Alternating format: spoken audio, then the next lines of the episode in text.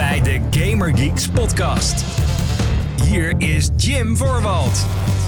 Hallo mede Gaming Geeks, wat leuk dat je luistert naar de Gaming Geeks podcast, de wekelijkse talkshow van GamingGeeks.nl, waarin ik en meestal een andere geek je graag bijpraten over alles wat er gaande is in en rondom de gamingindustrie. Ik ben Jim en deze week doe ik de show weer een keertje alleen en dat heeft uh, als reden dat ik, uh, nou ja, niemand anders eigenlijk gewoon kon krijgen, zo simpel is het ook. Uh, maar ik vond het wel, ik, ik had er bijna over nagedacht van, nou, zal ik, dan een week, zal ik dan een weekje skippen? Maar er is zo ontzettend veel gebeurd in het gaminglandschap dat ik denk, nee, dat kan ik eigenlijk niet maken. Ik kan het eigenlijk niet maken om, uh, om een week van deze show te skippen. Sowieso vind ik dat eigenlijk al een beetje van de zotte. Dus uh, laat staan als er dan ontzettend veel gebeurd is. En als je een beetje het gaming nieuws in de gaten hebt gehouden, dan uh, kan je misschien al gokken waar ik het over ga hebben. Onder andere iets met een PlayStation en een PlayStation VR en een State of Play en Pokémon. En dan nou ja, allemaal, allemaal gedoe waar ik je zo meteen helemaal over ga bijpraten als je echt geen flauw benul hebt waar ik het over heb. Um, datum van opname is 3 maart 2021. Holy hell. We zijn in maart. Het is echt... Ik, aan de ene kant uh, ben ik zeg maar blij dat de tijd zo ontzettend rap gaat. Want hoe eerder we uit uh, de huidige situatie waarin de wereld zich bevindt komen, hoe beter. Aan de andere kant denk ik, wauw, we zitten gewoon al een jaar... Zitten we in de, nou, in de nare situatie, om het maar zo te zeggen. Al een jaar lang zitten we te ploeteren om er allemaal nog wat leuks van te maken. Uh, ik hoop dat deze show daar in ieder geval een kleine bijdrage aan kan doen. Dit is de 164e aflevering van de Gaming Geeks podcast. Dus deze podcast kan je natuurlijk beluisteren via je favoriete podcastdienst. Zoals Google Podcast, Apple Podcast en Spotify. Daar is uh, alles op uh, te vinden en te luisteren. en er is een videoversie op youtube.com slash gamergeeksnl. Ik zou zeggen, abonneer vooral op dat YouTube kanaal. Dat is ook waar we onze andere video's natuurlijk op posten. Zoals game reviews en dat soort dingen. Ik ben al bezig met allerlei projectjes weer daarvoor. Dus uh, abonneer, youtube.com slash gamergeeksnl. Ja, hoe gaat het verder? Uh, nou ja, het gaat eigenlijk verder wel goed. Uh, voordat ik met de show begin wil ik even twee kleine shout-outs geven hoor. Even, even twee kleine soort van, voor zo'n soort van nationale shout-outs. Um, allereerst heeft Team Reptile heeft een trailer gedropt voor een nieuwe game Bomb Rush Cyberpunk. Nou, als je vaak al naar deze show hebt geluisterd, dan weet je dat ik nogal fan ben van Team Reptile, een Nederlands ontwikkelteam. Die hebben onder andere al Megabyte Punch hebben gemaakt. Wat een toffe soort van single-player game is waarin je met robot vecht. Uh, het speelt een beetje als Super Smash Brothers eigenlijk. Maar je kan dus elke keer als je een vijand verslaat, kan je een van hun onderdelen kan je jatten. Bij wijze van. Dus dat is best wel cool. Uh, is uh, onlangs nog uitgekomen, of onlangs, vorig jaar is hij uitgekomen voor de Nintendo Switch.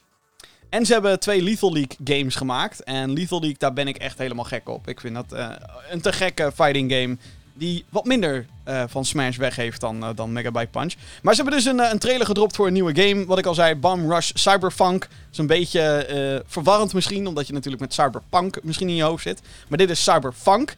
En het is eigenlijk gewoon een spirituele opvolger van Jet Set Radio. Het ziet er fantastisch uit. Um, ik zou zeggen, zoek het even op op Steam en wishlist die game. Uh, heel veel mensen denken, wat is dat wishlisten nou eigenlijk op Steam? Maar geloof mij maar, het, het, het, het helpt indie developers heel erg. Uh, want op hoe meer wishlisten terechtkomen, hoe vaker mensen meldingen krijgen van... Oh hey, deze game is nu trending en deze game is nu uit. Of er is een update of er is een aanbieding, whatever. Dus als je een game, als je een game op Steam ziet en je denkt... Oh hey, wat leuk, wat tof. Wishlist hem dan even. Dus maar één klikje en, en nou ja, goed. Daarmee kan je potentieel uh, developers helpen.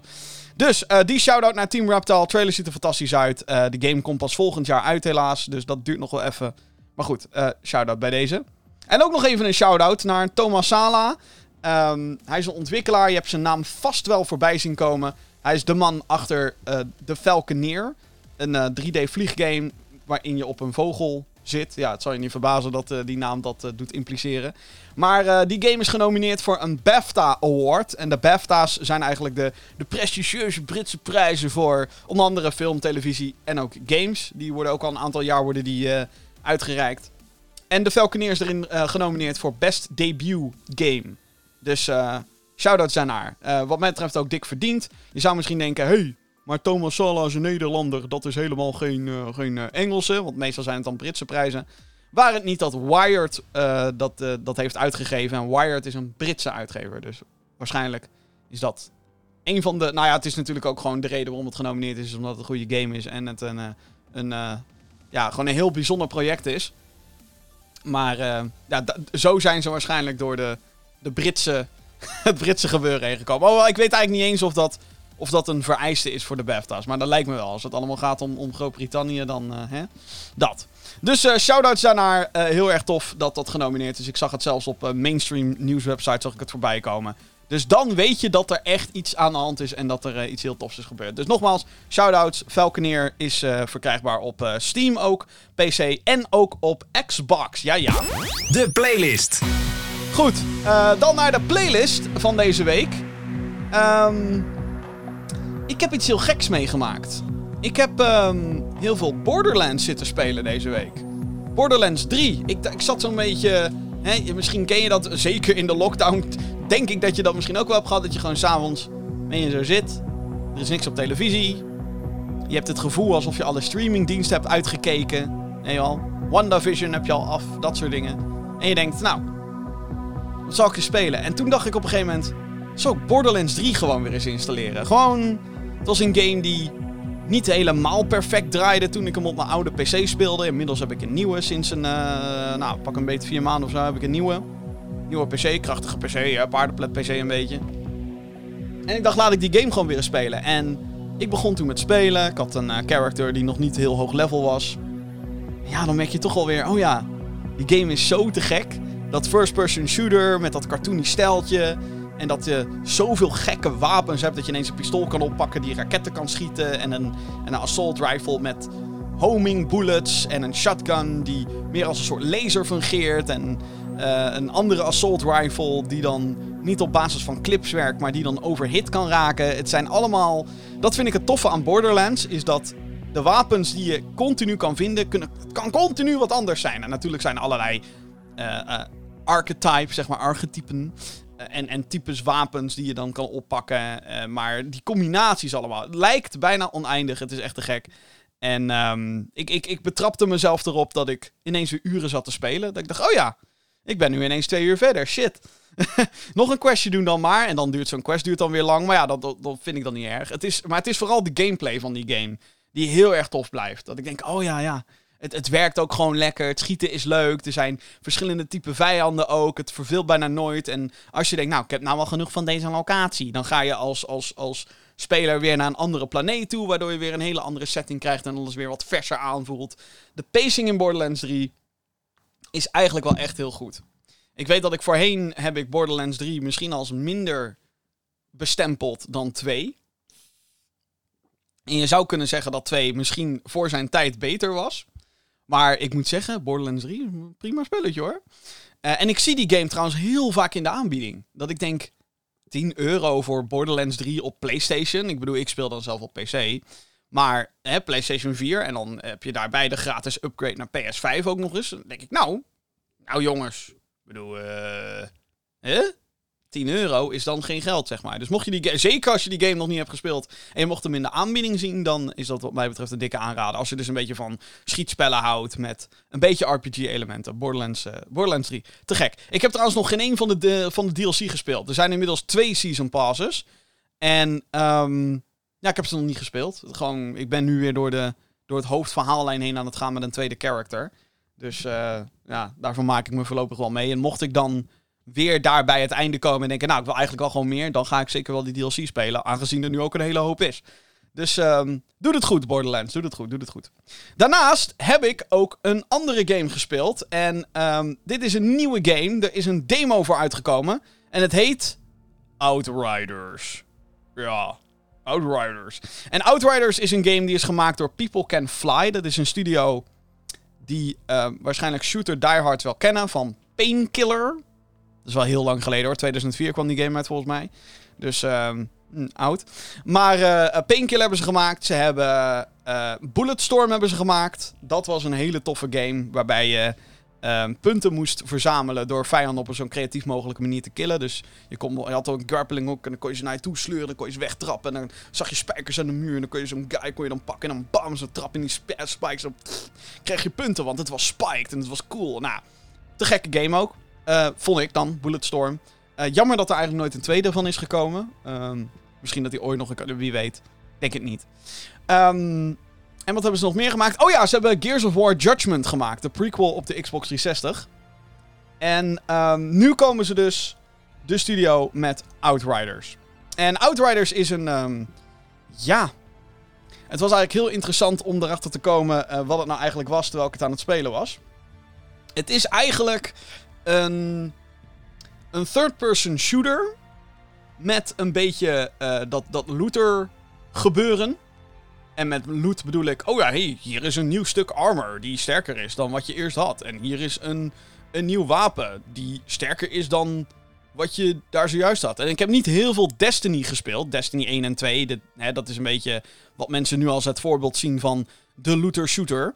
Maar um, het inventory scherm is zeg maar echt één op één overgenomen van Destiny. Dus je, je, je, je hebt een armor level, een power level voor je wapens. En je hebt uh, ability powers.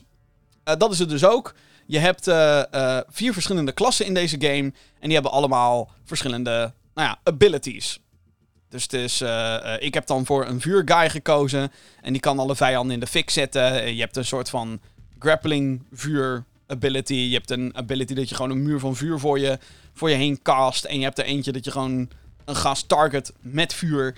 Die dan vervolgens in de fik staat. En als je hem dan killt, dan ontploft hij. Ah, man, lekker.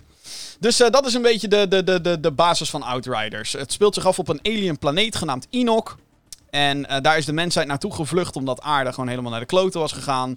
En uh, ja, op die alien planeet is alles natuurlijk niet zoals aarde. Dus er zijn gekke anomaly-stormen. Er zijn mensen die mutaties krijgen. Andere powers. Nou, daar ben jij er dus eentje van. En daarom is, kan mijn character bijvoorbeeld dus allemaal vuur spuwen. Als het ware. Of in ieder geval uit zijn handen vuur. Een soort van levende aansteker. Maar dan net wat gevaarlijker.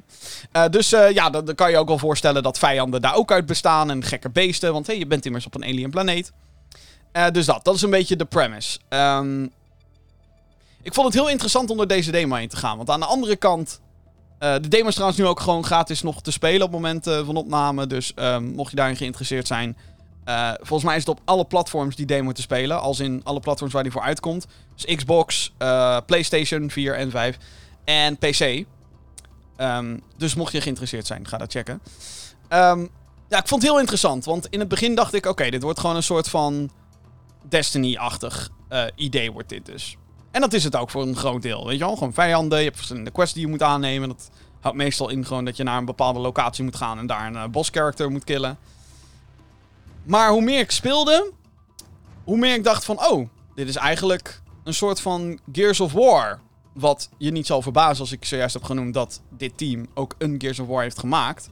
Maar het is een. Um, ja, het is echt heel erg Gears of War. In de zin van dat je achter cover kan gaan en je kan over cover heen valten. En dan moet je een beetje hè, uit die cover komen en dan ten ten ten ten motherfuckers neerschieten. En dan zijn er natuurlijk motherfuckers die op je afgerend komen. En dan moet je, oh nee, ik moet wegduiken. Vooral de dart is ook heel erg Gears.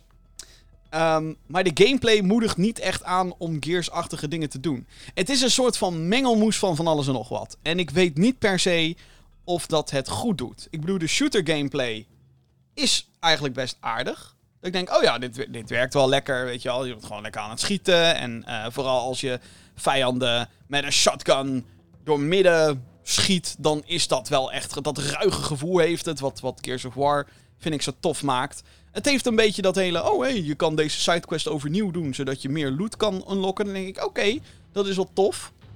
Um, maar het werkt allemaal niet zo goed als dat je zou willen dat het is.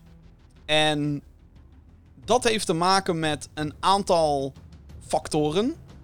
En eentje daarvan is zeker het cover systeem. Ik bedoel, het, het klinkt te gek, weet je wel? Gewoon, je hebt een cover systeem en je kan dan gewoon, eh, gewoon lekker, lekker cover pakken en, en er niet voor zorgen dat vijanden je gaan flanken.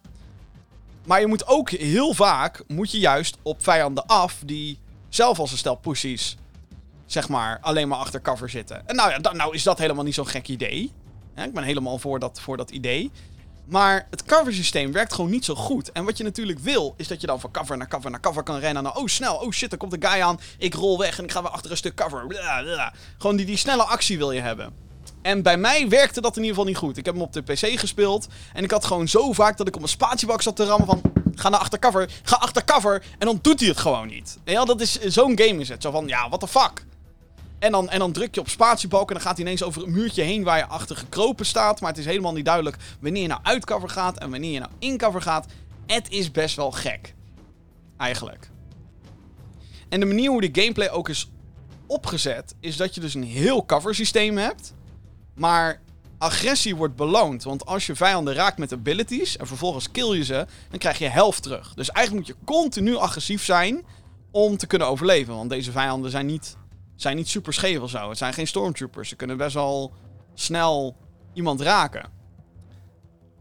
Dus er is een soort van disconnect bij mij. Dat ik denk, oké, okay, dit cover systeem werkt niet heel goed. Je moet heel agressief zijn. Maar als je te agressief gaat, word je echt van 14 kanten word je helemaal kapot geschoten. Wat wil je nou eigenlijk? En dat merk ik ook bij het verhaal. Het verhaal is zo all over the place. Het begint super serieus met: oh, we zijn hier op aarde. En uh, oh, je bent een soldaat. En oh, je bent een outrider. Wat de fuck dat inhoudt, ik heb geen idee. Waarschijnlijk een of andere mercenary of zo. Je bent een outrider. En oh ja, nee, ze komen eraan. En uh, aliens. En het wordt super serieus gebracht met, oh, deze planeet is ook in oorlog. Want op een gegeven moment word je in slaap geflikkerd. En dan 30 jaar later is een hele oorlog op die alien planeet. Vraag me ook niet hoe dat plot in elkaar zit. Maar zo, zo ben je bij één quest ben je helemaal bezig met, oh shit, we moeten de, de lines of defense moeten we aan gaan pakken. Want uh, hè, de, de, we, houden het niet meer vol. En het is allemaal oeh, doom en gloom. En dan één sidequest later is jouw character ineens van, hey, Jij mag niet met mij kutten. Ik schiet jou nu door je kop. Bam. Het is gewoon compleet dat je denkt: wacht. We zijn van. Hoe moet ik dit vergelijken? We zijn van The Godfather ineens naar, naar fucking Malcolm in the Middle gegaan of zo. zo, zo van Breaking Bad naar Malcolm in the Middle. Gewoon in één keer. En dat is heel erg vreemd om die, om die shifts te hebben. De cutscenes zijn ook niet heel erg goed geregisseerd, moet ik zeggen. Ze, allemaal, ze, ze denken dat shaky cam tof is in videogame cutscenes. Ik weet niet welke idioot dat verzonnen heeft, maar nee. En um, er is ook nog een gek ding dat je. Um, deze game is niet alleen maar singleplayer. Outriders kan je met drie mensen online spelen. En het lijkt er echt op dat de game daar helemaal omheen gebouwd is. Ik heb tot nu toe alleen nog maar alleen gespeeld. Um, maar bij elke zijmissie, en letterlijk alles wat je doet, elke locatie waar je heen gaat, is er een cutscene. Nou is dat op zich geen ramp. Alleen die cutscenes zijn wel in-game gerenderd. Want je ziet jouw character met jouw uh, custom... custom je, kan je character kan je, uh, customizen en zo. Hè, ander kapsel, uh, ander, ander, ander. Dat soort dingen kan je allemaal. ander kleur ogen. Nou, je kent het wel een beetje. De basis customization zit erin. Um, en je ziet jouw character zie je in die cutscenes. Maar die cutscenes zijn elke keer ook maar maximaal 30 frames per seconde. Dat ik denk, why? Mijn game draait op, nou ja, unlimited. Want ik zit op een dikke PC. Um, de, uh, hè, het draait ook goed. Het heeft er geen moeite mee of zo. En dan gaan die cutscenes ineens naar 30 frames per seconde. Dat is een beetje een nitpick. Want als je voor de eerste keer die cutscenes gezien hebt, dan skip je ze altijd. Waarschijnlijk. Maar alsnog, het is zo'n rare... Um, het is een rare mengelmoes. Een vreemde mengelmoes.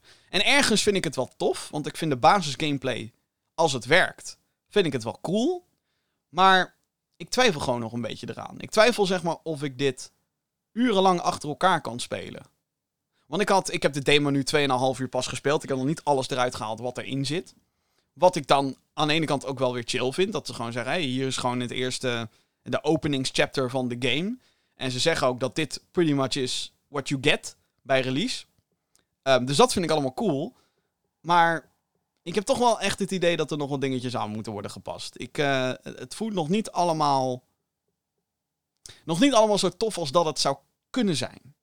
Het is allemaal nog een beetje. Ik wil niet zeggen janky. Oh wel, ja, ja, de controls kunnen wel echt janky zijn. Maar ja, ik weet het gewoon allemaal nog, nog zo net niet. De game komt trouwens op 1 april uit. Outriders op, uh, uh, nou, wat ik al zei, PC, Xbox en PlayStation. En op PlayStation dan zowel PS4 als PS5. En Xbox zowel Xbox One als Xbox Series X. Er zit crossplay in, dus dat is dan wel weer cool. Dat je met uh, mensen van andere platforms gewoon dit samen kan doen. ik vind ook de player count raar trouwens. Het is tot en met drie spelers. Normaal zijn dit soort dingen altijd vier. Ik weet niet waarom trouwens, waar, waar dat vandaan komt. Maar ja, drie. Drie spelers. Ehm, dus misschien moet ik dat gewoon een keertje proberen. Misschien moet ik even wat andere geeks bij elkaar uh, brengen. En kijken of, of het lukt om dan samen één missie te doen. Uh, mits ze door de, de, de soort van cringe-achtige intro heen komen. Want dat is het ook. Je moet wel het intro doorspelen voordat je met elkaar kan spelen. Dus het is allemaal, snap je? Het is een beetje een, een soort van mengelmoes van alles nog wat. Maar was het heel slecht? Nee. Raad ik nu blind iedereen aan om op 1 april Outriders te gaan halen? Ook niet.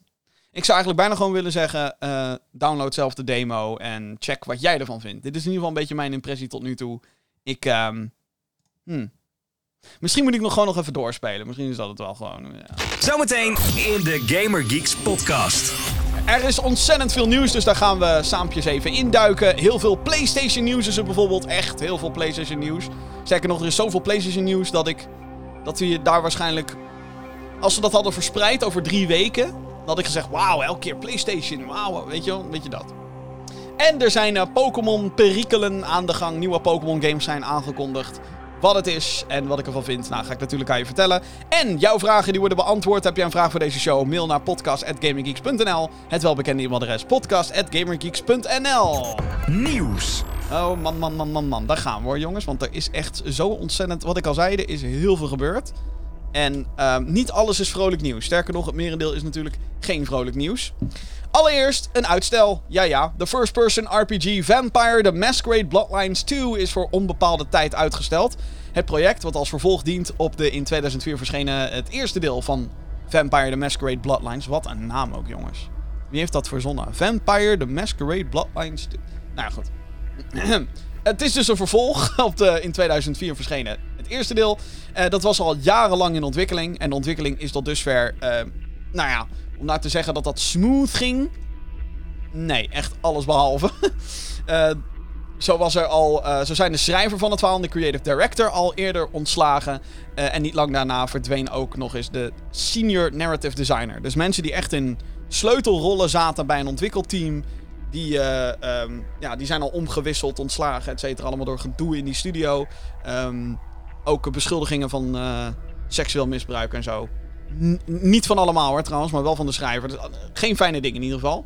De problemen die er al waren in combinatie met de COVID-19-pandemie hebben er dus tot nu toe toe geleid dat de game ook 2021 niet gaat halen. Sterker nog, de ontwikkelstudio zelf, Hardsuit Labs, is volledig van het project afgehaald.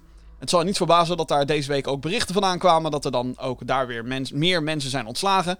Een intern team bij uitgever Paradox Interactive gaat nu alles op alles zetten om de game af te maken. Maar of dit project ooit nog het daglicht gaat zien, dat valt dan nog te bezien. Een aantal digitale winkels zoals de Epic Game Store hebben besloten om de optie om te pre-orderen inmiddels weggehaald, omdat de game dus voor onbepaalde tijd is uitgesteld. En dat, vind, dat vond ik een hele opvallende. Ik bedoel, dat een game wordt uitgesteld, gebeurt vaker. Dat er dan niet meteen een datum is, dat gebeurt eigenlijk ook wel vaker.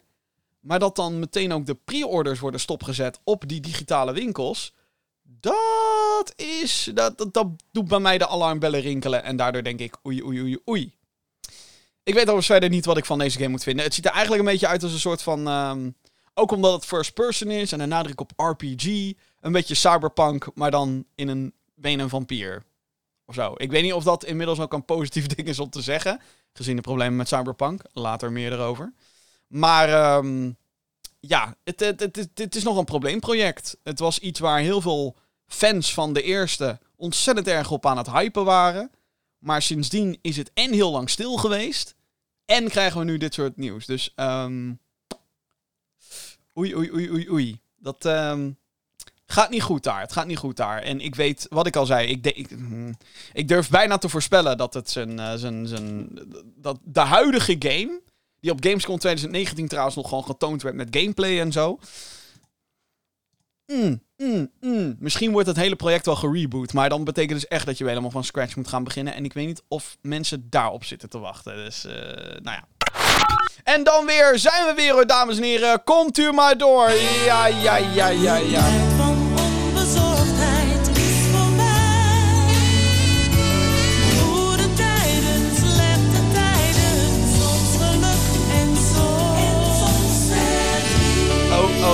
Oh, oh, oh, oh. Ah, een journalist bij Bloomberg, Jason Schreier, heeft wederom een artikel gepubliceerd. waarin het lot van Google streaming service Stadia verzegeld lijkt te worden. Ja, de soap van Stadia. Er komt geen einde aan, dames en heren. De dienst kampt al uh, sinds de aankondiging met grote problemen. Voor een beloftes van 4K en 60 fps gaming is er nu bijvoorbeeld een massa-rechtszaak in voorbereiding in Amerika. Een zogeheten class action lawsuit. Het artikel baseert zich op anonieme bronnen die zich bij Schreier gemeld hebben. Eerder hoorde je ook al in deze podcast dat Google alle first-party studios sloot. Dat is een eerder, eerdere aflevering van de podcast bedoel ik dan. Waardoor er dus geen exclusieve content meer aankomt voor Stadia. Behalve tijdelijke, waar ze dan een contract mee afsluiten en zo. Volgens de bronnen was de ontwikkeling van Journey to a Savage Planet 2 al lang onderweg. En lagen er plannen voor een episodische horrorgame door Kojima Productions. Beide zijn, naast vele andere projecten, allemaal dus geannuleerd. De kritiek richting Google vanuit de werknemers is dat alle projecten enkel de cloud-technologie moesten pushen. Of dit nou logisch game design inhield of niet. Hm. Daarnaast was Stadia best wanhopig om games naar hun dienst te krijgen. Naar verluid zijn er tientallen miljoenen dollars gegaan naar onder andere Ubisoft en Rockstar, die vervolgens een aantal van hun games naar de servers gepoord hebben. Volgens het artikel behaalde Stadia geen enkele van zijn doelen op financieel gebied. Het zou honderdduizenden gebruikers achterlopen op hun uh, vooruitzichten. Honderden duizenden. Oei, oei, oei. Het enige lichtpuntje is dat Terraria weer in ontwikkeling is voor de dienst. De ontwikkelaar Relogic was voorheen boos omdat de toegang tot al hun Google-accounts uit het niets werd ontnomen. Deze situatie is nu blijkbaar opgelost, er is vrede gesloten en Terraria is nu dus weer onderweg naar Stadia. Ja. Ja. Verbaast mij deze issues niet? Nee. Um, het is best wel heel erg treurig natuurlijk. Dat je als Google soort van genoodzaakt wordt om tientallen miljoenen soort van in een, in een gat. Nou, kijk, oké, wij ik zie het als een gat. Zij zien het waarschijnlijk als, oh, dit is de manier hoe wij gamers naar onze dienst kunnen halen. Waar het niet dat natuurlijk toen Stadia lanceerde en de games die ze daar naartoe brachten, waren voor het merendeel games die heel veel mensen al konden spelen. Op PlayStation, op PC of op, op Xbox, noem maar op. Red Dead Redemption 2 kwam naar Stadia toen Red Dead Redemption 2 al een jaar lang op PS4 te krijgen was. En Xbox.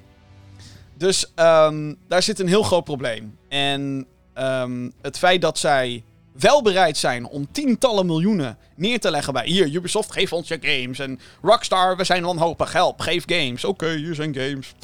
of het goed werkt, geen idee. Maar veel succes ermee. Hm. Het feit dat ze daar wel bereid zijn om daarin te investeren... maar dan op de een of andere manier denken... Goh, een eigen game maken, dat kost ook veel geld. Uh? Dat is natuurlijk bizar. En um, ik snap heel goed dat je vanuit Stadia denkt... Goh, we moeten games maken die heel erg laten zien wat de kracht is van cloud gaming. Ben ik het ook wel mee eens. Maar je moet toch in eerste instantie met een goede game komen, lijkt me. Die mensen naar die service trekken. In plaats van dat je eerst helemaal met rondom gimmicks gaat denken en rondom.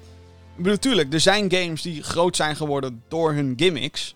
Wii Sports bijvoorbeeld, dat was de gimmick. Dat was de game waardoor heel veel mensen een Wii kochten.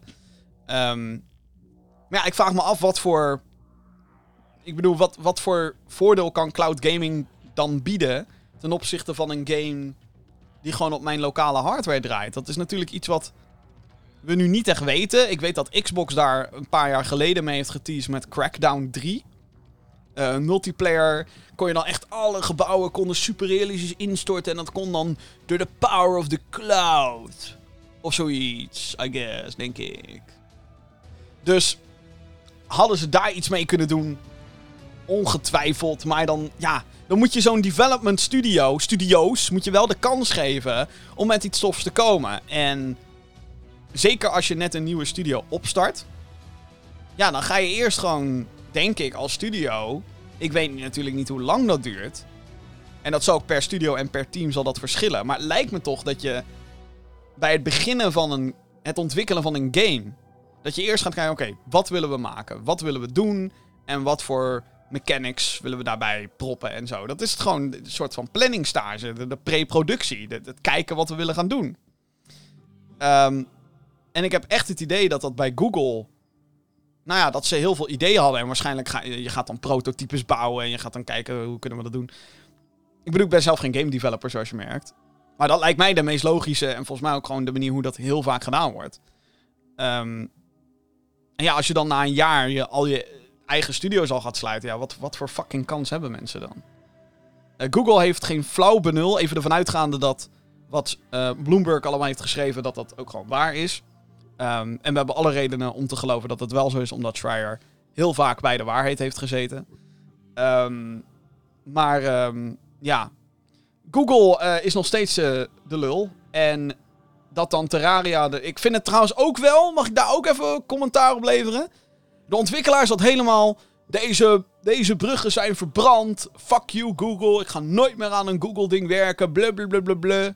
Twee weken later. What the fuck, bro? Waar is jouw fucking integrity dan? Weet je wel? Waar, is jouw, waar zijn je ballen? Als je dan zegt nee Google, fuck you. Blijf dat dan ook zeggen. Ga dan niet ineens drie weken later... Oh nee, het is opgelost jongens. Jee, we gaan weer door. Dus ik, ik, ik, durf bijna te zeggen dat Google heeft gezegd... eh help. eh, hier is eh, hier, is een, eh, hier is een vrachtwagen vol met geld. Gefeliciteerd, dames en heren. Lekker, lekker, lekker. Terraria weer terug naar Stadia. Ik de, althans, ik, eh, het kan, zou me niks verbazen als het op die manier is gegaan. Maar... ehm dus... eh What? No money? Yeah. dat. Maar goed, ja, eh, de situatie van Stadia wordt er niet beter op. Ik bedoel, ik. ehm, ik, zeg het el ik zeg het bijna elke week. Ik zeg het inmiddels wekelijks. Stadia is een, is een rampenproject. het is een, een, een faalhazerij. Van heb ik jou daar? Is dat een woord? Geen idee. Ehm, maar het wordt, hoe meer we te weten krijgen, hoe slechter het wordt. En dat kan niet goed zijn. Google, eh, hou gewoon op met Stadia. Hou gewoon op. Niemand zit erop te wachten. Niemand wil het meer. Hoe meer nieuws erover naar buiten komt, hoe slechter dat is voor je PR. Hou er gewoon mee op. Stop het nou maar gewoon mee. Geef mensen hun geld terug voor hun fucking cyberpunk en klaar. Ja. Klaar. Oké, eh, dan nog een, eh, eh, nog een problem child als het gaat om gaming.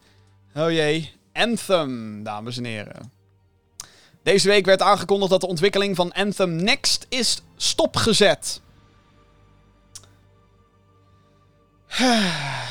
Ah. Dit was de codenaam, Anthem Next dan. Voor een grote update voor de shooter RPG Anthem, die vele gameplay-elementen en progressie moest omgooien om de game leuker te maken. Op de website van BioWare vertelt de ontwikkelaar hoe COVID-19 wat roet in het eten heeft gegooid. En dat het team eh, zich nu vol gaat storten op Dragon Age 4 en nieuwe content voor de MMO Star Wars The Old Republic. Anthem verscheen in februari 2019 en werd gepromoot als een soort eh, live service titel. Uitgever EA wist op te scheppen over hoe ze 10 jaar aan plannen hadden voor die game. Oké. Uiteindelijk kwam er na veel kritiek slechts één content update uit. De game kreeg dus die vele kritieken vanwege de saaie gameplay loop, overambitieuze trailers die eigenlijk gewoon liegden over hoe de game eruit zag voor launch.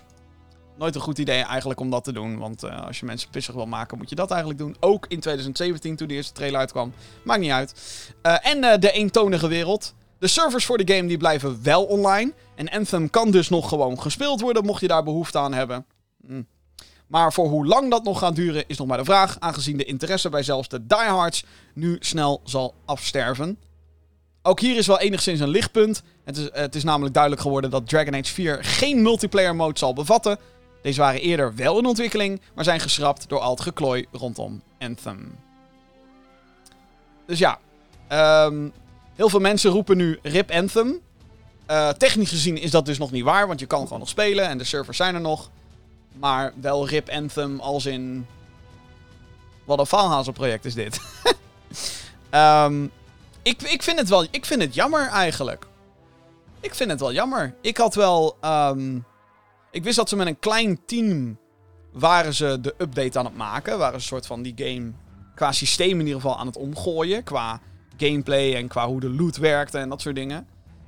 En ik ben van mening dat Anthem niet de allerslechtste game is die ooit is gemaakt. Dat is wat heel veel mensen er nu van maken. Dat is niet waar. Ehm, er zijn veel slechtere games, ook in dit genre. Ehm, had het echt 14.000 keer beter kunnen en moeten zijn? Zeker weten. 100%.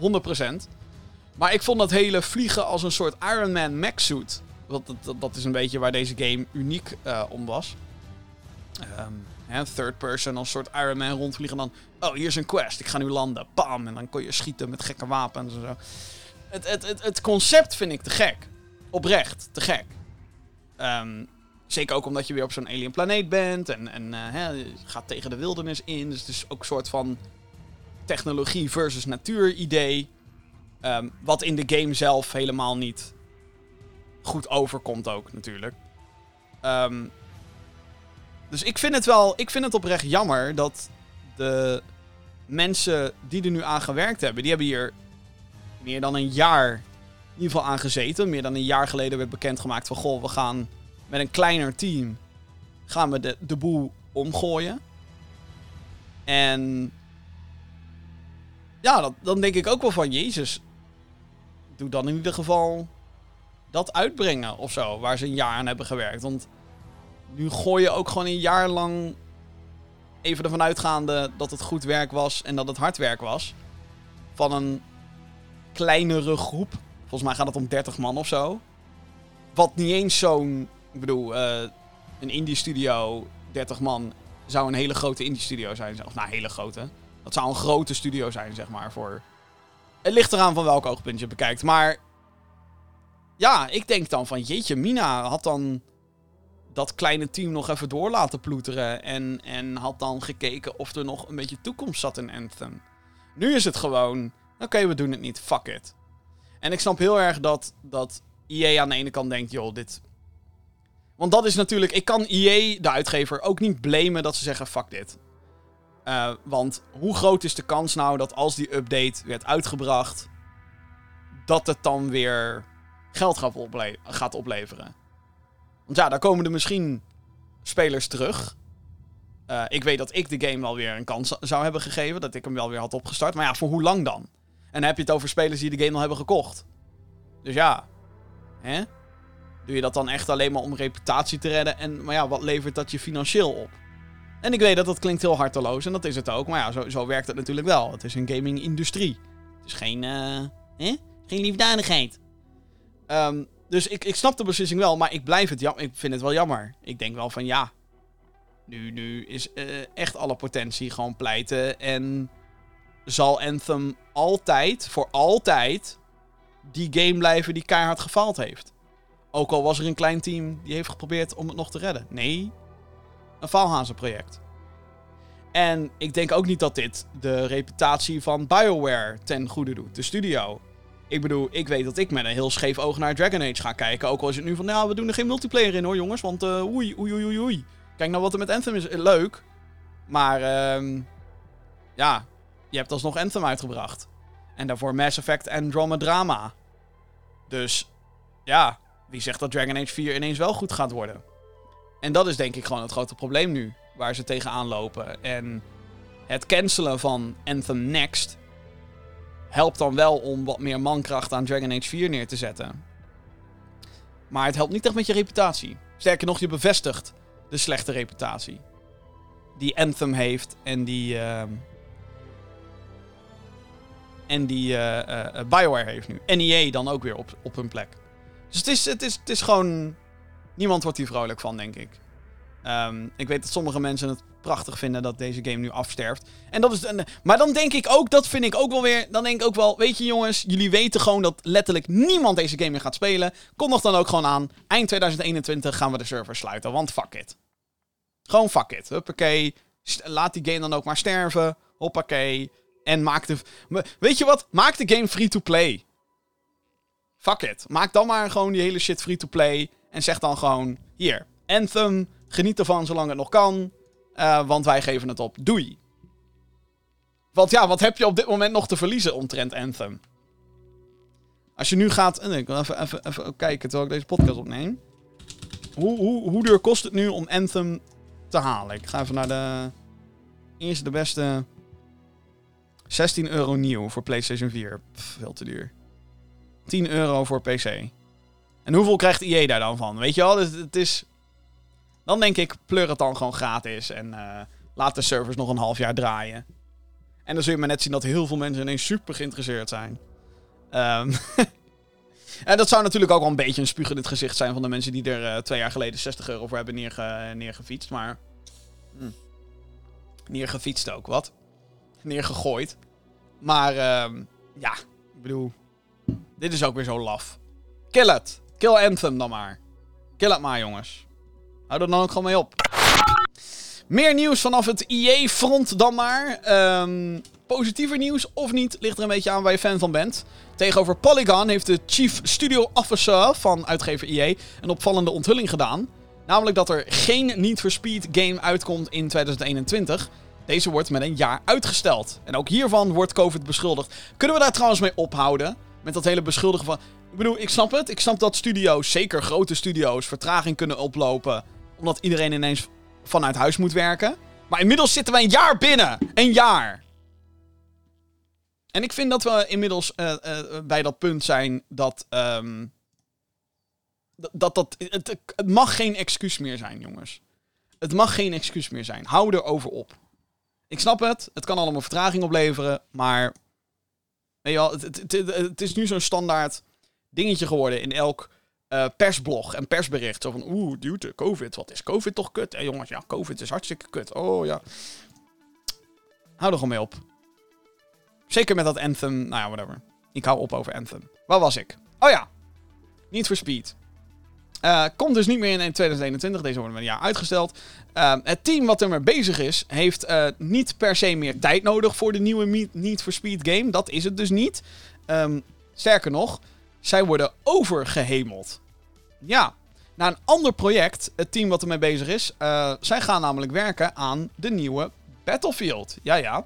Het lijkt erop dat alles op alles gezet wordt om de nieuwste game in de first-person shooter franchise Battlefield dus dit jaar op de markt te brengen. EA heeft er geen geheim van gemaakt dat Battlefield gepland staat om eind dit jaar te releasen op PC en consoles. En officiële info verwachten we dan ook snel. Uh, dus het team wat bezig was met de nieuwe Need for Speed was Criterion. Uh, mensen die ooit Burnout hebben gespeeld, zullen de naam Criterion denk ik nog wel kennen. Die waren dus bezig met Need for Speed. En nu zegt EA, prima, leuk, maar we stellen het uit naar volgend jaar. Hier is, uh, gaan we aan Battlefield. Ik weet niet of dat een... Uh, ik weet dan niet wat nu de status is van Battlefield. Uh, volgens de geruchten wordt het trouwens gewoon Battlefield 6, maar officieel weten we het natuurlijk nog niet. Maar, um, hmm. Ik vraag hem af. Ik vraag me af wat daar aan de hand is. Uh, want het klinkt niet als um, goed nieuws. Als je zeg maar een, een andere studio nu een soort van overhemelt van... Oh, en dat kan, ik bedoel, weet je, ik zeg net wel, hou op met COVID als excuus te gebruiken. Wat ik al, ook al zei, ik snap dat COVID heel goed uh, een, uh, een, een, voor vertraging kan leiden bij, bij een aantal grote studio's. Dus dan is het ook wel weer goed dat ze dan dit soort beslissingen maken. Maar om dat dan ook vooral tegen, tegenover Polygon te zeggen, vind ik dan ook zo gek. Want het is niet zo alsof Criterion, de huidige for Speed studio, nooit heeft gewerkt aan andere projecten. Ze hebben bijvoorbeeld ook support gedaan voor. Um, bijvoorbeeld Star Wars Battlefront 2 hebben ze ook een aantal. Volgens mij hebben ze daar een singleplayer van gemaakt zelfs. Dus het is een beetje. Ja. Hm, opvallend is het. Dat gezegd te hebben. Ik heb dus wel veel zin in een, uh, in een nieuwe Battlefield. Ik weet niet waarom. Misschien is het ook omdat Battlefield 5 voor mij althans heel erg tegenviel. Ik vond gewoon de gameplay het allemaal net niet. Ja, het is allemaal net niet. Het is allemaal zo, oké, ik snap het schieten, maar het is allemaal net niet. De snipers, ja, maar het is allemaal net niet. De singleplayer was trouwens een drama van Battlefield 5. Maar goed, je speelt Battlefield natuurlijk niet echt per se om de singleplayer. Althans, dat zou niet de bedoeling moeten zijn. Um, maar ja, benieuwd. Uh, als we binnen nu en een, en een paar maanden niks van Battlefield horen krijgen, dan moeten we echt gaan zweten. Want dat betekent dat IE er echt helemaal niks over wil laten horen. En dan uh, zijn de rapen gaar. Moeten we niet willen. Battlefield 6, kom maar door IE, snel, snel, snel, snel. Ondertussen is er spannender nieuws vanaf het PlayStation front. Sony heeft aangegeven via het PlayStation blog dat ze officieel bezig zijn met de opvolger voor de PlayStation VR. Dat betekent dat er een nieuwe headset aankomt voor de PlayStation 5. Zoals de meeste VR-units zal deze bedraad zijn, maar het zal wel minder gecompliceerd worden dan zijn voorganger. Ook zal er een gloednieuwe controller ontwikkeld worden voor de nieuwe set. Meer details hoeven we niet te verwachten in 2021. De originele PlayStation VR verscheen in 2016 als accessoire voor de PlayStation 4. Het is de marktleider wat betreft virtual reality met meer dan 5 miljoen verkochte exemplaren. En dat was ergens eind 2019 toen dat gezegd werd. Dus waarschijnlijk zitten we inmiddels op meer. Ja, ja. Ik vind dit spannend. Ik vind het te gek. Ehm, ja, kijk, de PlayStation VR is, als je er kritisch naar kijkt, een kudding. Ik ben vooral heel erg blij met het feit dat ze minder eh, draden en kabels gaan hebben. Want dat is echt gewoon. Het maakt niet uit hoe netjes je de PlayStation VR aansluit op je PS4. Het is één grote teringzooi. Qua kabels. Dus uh, er moet een extra kastje moet ertussen. En er moet een dingetje bij. En dan moet een kabeltje daar. En dan moet een kabeltje van de achterkant. Een kabeltje aan de voorkant. En dan heeft die fucking headset ook nog een kabel. En je moet de PlayStation Move moet je opladen. Gewoon allemaal teringzooi. En het was best wel duidelijk dat de PlayStation VR gebruik maakte van technologieën die niet per se ontwikkeld werden met de PlayStation VR als uitgangspunt. Dus de PlayStation Move controllers van de PlayStation 3 notabene, die werden gebruikt. Heel slim, want die dingen, goede motion controls en zo, dus het idee was er zeker. Maar um, ja, het is natuurlijk toch al het beste als je gewoon iets ontwikkelt wat echt daarvoor gemaakt is. En dan ook met die PlayStation camera, die ook niet echt gemaakt werd voor deze VR-set. Mm, dus het was een, beetje. Uh, um, ik, ik, vind, ik vind de VR-games. Nou, nee, wacht. Stap, stapje terug. Ik vind het idee van PlayStation VR vind ik super tof. Ik heb zeg maar. Ik heb hem. Ik heb de PlayStation VR 1. Um, en ik heb er ook zeker van genoten met een aantal games. Zoals Beat Saber vind ik heel leuk. Um, ik vond Blood and Truth vond ik heel tof. Um, maar het is zo'n gedoe. Het is zo'n tering gedoe om dat allemaal aan te sluiten. En al die grafkabels, wat ik al zei. En. Ah, man. En ik heb ook een aantal hele slechte games gespeeld in VR.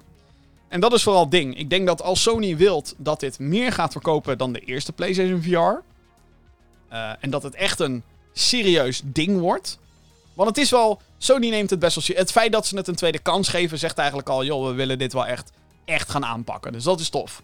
Zeker voor de hele VR zien. Want er zijn weet ik hoeveel VR-games waarvan mensen oh, moet je echt spelen, maar wel op een PC-VR-headset. En dan denk ik, eh, mm, whatever. Um, dus dit opent echt wel de deuren voor, voor meer mainstream VR-bereik. Want dat is wat PlayStation is. Het is puur mainstream. Um, dus dat is tof. Dat er een nieuwe controller komt, ook super spannend. Ik ga er eigenlijk een beetje vanuit dat die net zoals de, de Oculus en de Vive controllers, dat die dan je vingers zeg maar echt kan zien. Dat, dat er dan een sensor op zit die je vingers kan tracken. Want dat zou toch wel echt, hè, dat is de next-gen VR-ervaring naast een betere resolutie in je gezicht en, en meer frames en dat soort dingen. Nee, het moet ook wel, qua controls moet het ook wel next-gen zijn. Um, dus ik ben, ben gewoon heel benieuwd eigenlijk. En ik denk dat Sony hier de macht heeft om heel veel toffe dingen te kunnen doen met VR. Maar dan moeten ze ook wel hun IP's ervoor gaan inzetten. Ik weet dat er ergens een gerucht was deze week ook. Dat een team bezig zou zijn aan een Horizon VR-game. Ja. Ja, juist. Dat soort dingen moeten we hebben. Een VR-titel in het universum van The Last of Us. Dan een klikker. Dat je die moet ontwijken en zo in VR. Ja. Ja, ja, ja, ja, ja. Kom maar door. Dat is de shit die we moeten hebben. Dat zijn zeg maar de, de, de, de AAA um, series, IP's, waardoor mensen überhaupt een PlayStation kopen, maar waardoor mensen nog meer geneigd zijn om ook een PlayStation VR te doen. Ik mag hopen dat Sony het voor elkaar krijgt om Half-Life Alex naar de nieuwe VR-headset te krijgen. Nou, is dat natuurlijk een soort van twijfelgevalletje, want dat is van Valve. Hm. Maar ja, dat zou wel een, een dikke win zijn voor VR in zijn geheel, zeg maar. Dus het is. Um, ik vind, ik, vind het heel tof dat ze het weer gaan doen. Um, maar ja, meer details moeten we gewoon afwachten. Maar uh, uh, is het iets om je op te verheugen? Ja. Gaat dit afbreuk doen aan wat Sony verder met de PS5 gaat doen? Nee. En dat is toch wel wat je wat ik althans heel erg heb gemerkt met PlayStation VR. Ja, weet je wel, er zijn een paar studio's die aan VR-titels werken. En ze hebben de PlayStation VR en zo. Maar het is niet alsof daardoor de PS4-line-up ineens minder werd of zo. Het was gewoon PS4 going strong. En je hebt de PlayStation VR als soort van extra ding erbij. En zo, dat, zo zal dat ongetwijfeld ook gaan zijn met dit ding. Waar ik me dan wel weer zorgen over maak, nu alvast, dat is de prijs van de nieuwe VR-unit. Ook al weten we nog officieel niks. Maar de PlayStation 5 wordt op dit moment met verlies verkocht. Ehm, dat is een probleem voor elke, eh, elk bedrijf wat iets verkoopt. Als je dat met verlies verkoopt, geen goed idee. De winst zit hem dan natuurlijk in de games die ze dan massaal aan de man brengen. Dat is waar overigens meestal de grote winst in zit voor, voor consolebedrijven. En dat geldt ook voor Nintendo. Ja, Nintendo verkoopt ontzettend veel Nintendo Switches. Maar het feit dat er 30 miljoen mensen zijn die binnen één jaar Animal Crossing hebben gekocht. Kijk, daar zit het geld. En ja, dus, dus ehm, weet je, als de PlayStation 5 al met verlies wordt verkocht, uh, hoe gaat het dan straks zitten met een hopelijk nieuwe toffe VR-unit die echt wel met toffe dingen komt en toffe technologie en uh, wat ik allemaal net zei. Is allemaal speculaas natuurlijk nog. Uh, wanneer komt die VR-unit? Ik denk dat we inmiddels wel moeten uitgaan van 2023 en niet 22. En waarom zeg ik dat? Omdat één, en ja, ik weet het, je moet het niet als excuus gebruiken, Jim, maar COVID. Hè, het zal ook ongetwijfeld de ontwikkeling van dit hele project hebben vertraagd. Um, maar dat mogen ze over twee jaar niet meer zeggen, vind ik. Weet je wel? Dat, ik ben er klaar mee dat mensen dat als enige reden altijd in persberichten neerzetten. Um, maar ten tweede, als je gaat kijken naar de PlayStation 4. De PlayStation 4 kwam uit november 2013. En de VR kwam uit in 16. Drie jaar. Drie jaar na een release. En dat voelt ook een beetje gezond, weet je wel. Dat, dat geeft dan heel veel mensen de tijd om überhaupt een PlayStation 5 in huis te halen. Misschien ben je dan ook al op het punt als PlayStation zijnde dat je met een ander model komt. Weet je wel, dat er misschien een PS5 Slim of een PS5 Pro of whatever the fuck. Um, gezien de huidige situatie waar we nu in zitten met alle tekorten aan chips en zo, is dat misschien ook wel een moment dat genoeg mensen dat ding kunnen binnenhalen of dat kunnen binnenkrijgen. Dus dat zou ook wel goed zijn. Um, ik verwacht volgend jaar zeker meer informatie. Maar dan hebben we dus over een jaar. Wie weet bestaat deze podcast al niet meer. Weet jij wil. Um, maar 2023 als release voor de nieuwe VR. Klinkt voor mij als logisch. In ieder geval. En er is meer PlayStation nieuws. Ja, dit is echt. Oh man. Dit is echt. Is, uh, heel veel PlayStation nieuws, dames en heren. Um, als eerste is Gran Turismo 7 uitgesteld. Het nieuwe deel in de Racing Sim franchise zou aanvankelijk dit jaar verschijnen, maar is nu verzet naar 2022. Wel hintte PlayStation CEO Jim Ryan dat Horizon Forbidden West nog steeds in de planning staat voor dit jaar. PlayStation gaat ook meer van hun exclusieve titels naar PC brengen. Vorig jaar was de beurt aan Horizon Zero Dawn en deze lente is het de beurt aan open world zombie game Days Gone. De PC-versie gaat ondersteuning krijgen voor ultra-wide mo monitoren. Heb ik niet, helaas. Uh, unlocked framerates en meer grafische verbeteringen. En als laatste is bekend geworden dat Japan Studio van PlayStation een reorganisatie heeft begaan. In dit geval houdt het in dat het team veel kleiner is geworden. De laatste jaren was het vooral een studio die veel ports deed, zoals de Petapon en Loco Roco games voor PS4. Het was ook de studio achter Knak en The Last Guardian, maar deed ook veel supportwerk. Asobi Team leidt hier dan weer niet onder. Dat is de ploeg onder Japan Studio die bekend is van de Astrobot games. Dus het lijkt erop alsof er wat mensen waarschijnlijk gaan overhemelen van Japan Studio zelf naar Asobi. Meer Astrobot, want dat is wat mensen willen. Dus ja, uh, klinkt ook logisch. Uh, Gran Turismo, I really don't give a fuck. Uh, niet, mijn, uh, niet omdat ik denk, wat een kutspel, maar omdat het gewoon mijn genre niet is. Dus ik heb daar verder ook niet heel erg veel commentaar over. Ik weet wel dat Gran Turismo altijd heel lang duurt. En minstens drie keer wordt uitgesteld voordat het, voordat, voordat het eindelijk uitkomt. Dus ook dit verbaast mij dan weer niks. En Days Gone naar PC, ja, daar word ik wel weer enthousiast van hoor. Waar het niet dat ze waarschijnlijk weer uh, de volle map gaan vragen ervoor. Ik weet dat uh, uh, ik ook heel enthousiast was over het feit dat Horizon Zero Dawn naar PC kwam. Nou weet ik wel dat ook die port nogal wat issues had bij launch. Um, die schijnen inmiddels wel te zijn opgelost. Maar ik ben geen ervaringsdeskundige erin. En waarom niet? Is omdat ik dacht, oh nou, kijk, weet je, als ik wil 30 euro vragen voor die port, te gek. Maar ze vragen er gewoon 50 euro voor. En alhoewel ik dat aan de ene kant natuurlijk ook weer snap van... Hé, hey, hè? je hebt nog nooit eerder deze game kunnen spelen. Denk ik ook wel weer van... Ja, maar hallo. Uh, Horizon Zero dan kan je makkelijk voor 20, 15 euro krijgen voor PS4, inclusief de DLC. Nou, is de PC-versie ook inclusief DLC, daar niet van.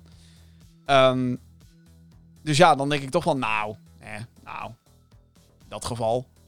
Overigens is de PS4-versie ook nog prima. En ja, Days Gone op, eh, is een van de games op de PlayStation Plus collectie op PS5. Waar je volgens mij ook al de game op 60 frames per seconde kan spelen. Nou, kan je op PC natuurlijk veel verder gaan qua grafische opties. Uiteraard. Daar is de PC voor. PC Master Race. Ehm, maar ja, ook daar denk ik, ja, weet je, als dat 50 euro gaat kosten, dan ga ik hem wel gewoon eh, spelen op PS5. Of dat dan weer is of voor de eerste keer, dat maakt dan even, even niet uit in deze context. Maar ja, wel, dat, dat, dan denk ik ook van, dan moet je wel je poort ietsjes goedkoper mag dan wel. Zeker als je hem al aanbiedt bij de PlayStation Plus collectie. Maar aan de andere kant, wat ik al zei, het is een nieuw publiek. eh it's a new dawn, it's a new day. En het is spannend dat PlayStation dus meer games uiteindelijk naar PC gaat brengen. Als ik moet gokken welke straks aan de beurt is, dan zou het heel goed kunnen dat ze. Hmm. Hmm. Hmm. God of War is wel een. Zou een hele toffe zijn. Ehm, ik denk niet Spider-Man. Ik denk dat Spider-Man is soort van veel te waardevol als soort van... Hey, PlayStation is het huis van Spider-Man. Dat dat veel te... Dat is veel te tof voor Sony om dat te behouden. Denk ik. Ehm, misschien The Last of Us. En of dat dan twee is of één, dat weet ik niet. Ghost of Tsushima zou ook nog heel goed kunnen. Er zijn denk ik genoeg PlayStation exclusives waar PC-gamers in ieder geval heel blij van worden. Die weigeren om, een- om, om een PlayStation te halen, verdomme. Bla. Ehm, ja, dat. Dat, eh, lijkt me tof in ieder geval. Dus, eh, eh, ja. Eh, oh ja, deze lente. Had ik dat al gezegd? Deze Gone deze lente? Deze Gone deze lente. De, deze, de, de- deze lente. Het wordt er ook niet beter op, hè? Oké, dan. Eh, deze week werd er een eh, presentatie gehouden. Een State of Play. Dat is eh, een dingetje van PlayStation die vergelijkbaar is met ehm, de Nintendo Direct eigenlijk. Ehm, een presentatie die bedoeld is om ons op de hoogte te houden wat betreft de games die komen naar PlayStation 5 en PlayStation 4 ook nog. Er werden beelden getoond van onder andere Crash Bandicoot 4 voor PS5, Solar Ash, Deathloop, Returnal, Knockout City en Five Nights at Freddy's Security Breach. Er werd één nieuwe game onthuld. Dat was Sifu. Ik hoop dat ik dat goed uitspreek. S-I-F-U. Een nieuwe titel van de makers van Absolver. Dit wordt een third-person actiegame die volledig draait om martial arts. Zag er best cool uit, moet ik zeggen. Oddworld Soulstorm die kreeg een release datum. Op 6 april komt deze naar PlayStation 4, PlayStation 5 en de Epic Game Store op PC. Leden van PlayStation Plus kunnen de game op de consoles claimen in diezelfde maand. Dus het wordt een gratis PlayStation Plus game, wat heel goed nieuws is. Kena Bridge of Spirits eh, heeft de release datum. Eh, ik ben dol op die game. De kleurrijke actieplatformer door debuutstudio Ember Labs komt op 29 augustus uit voor PlayStation 4, PlayStation 5 en PC. Dus eind van de zomer, 29 augustus. Oh my god. Het duurt echt lang. Maar oh, wat heb ik zin in die game. Echt waar. Als je eh, de, de, de audioversie luistert van deze podcast en je weet niet wat Kena Bridge of Spirits is, pauzeer de podcast even. Zoek even naar de trailer van Kena, K-E-N-A, Bridge of Spirits en word amazed van hoe tof die game eruit ziet. Oh man, man, man, zin in. En als laatste krijgt Final Fantasy 7 Remake een update voor de PlayStation 5. Deze bevat een hogere resolutie en betere framerates. Daarnaast zal deze Intergrade versie ook een nieuw hoofdstuk bevatten. Deze versie verschijnt op 6 juni voor de PlayStation 5. Spelers die Final Fantasy 7 Remake al op de PlayStation 4 hebben, kunnen gratis upgraden naar de vernieuwde versie. De nieuwe content, dus dat nieuwe hoofdstuk, moet wel apart als DLC worden aangeschaft. Degene, eh degene die de game via PlayStation Plus claimen, hebben geen recht op de gratis upgrade. Wat het best wel een ingewikkelde situatie maakt. Ik ben heel erg blij dat Final Fantasy 7 Remake een eh, PlayStation 5 upgrade krijgt. Ik weet dat dat voor mij een goede motivatie is om echt te gaan beginnen aan die game. Ehm, maar het wordt, er niet, het wordt er niet gemakkelijker op of zo. Dus ik heb de game al. Ik mag hem wel gratis upgraden naar de betere versie. Maar wil ik de DLC hebben, dan moet ik dat dus... Of het nieuwe hoofdstuk hebben qua content moet ik kopen. En als je PlayStation Plus heb je geen recht. Het is allemaal... Hoe duur gaat de upgrade kosten? Hoe duur gaat de DLC kosten? Eh, geen idee allemaal. Dat hebben ze allemaal niet bekendgemaakt. Dus dat is een... eh, een verwarrende kwestie allemaal. Maar... Wel tof. Zo'n upgrade. Wel tof, leuk. Sowieso eigenlijk iets wat bij eh, heel veel games, eh, vind ik, moet gebeuren. Waar blijft de Bloodborne patch, jongens? Ik wil Bloodborne op 4K 60 fps op PS5. Dank u. Eh, oh, verkeerde muziek. Ik wil de- de- deze even. Ja, ja, ja, ja. Want er is nieuws omtrent Pokémon. Je hebt het vast al meegekregen dat dit jaar, of dit jaar, deze week werd het 25-jarig bestaan gevierd van de Pokémon franchise. Holy shit. 25 jaar. Ik voel me oud.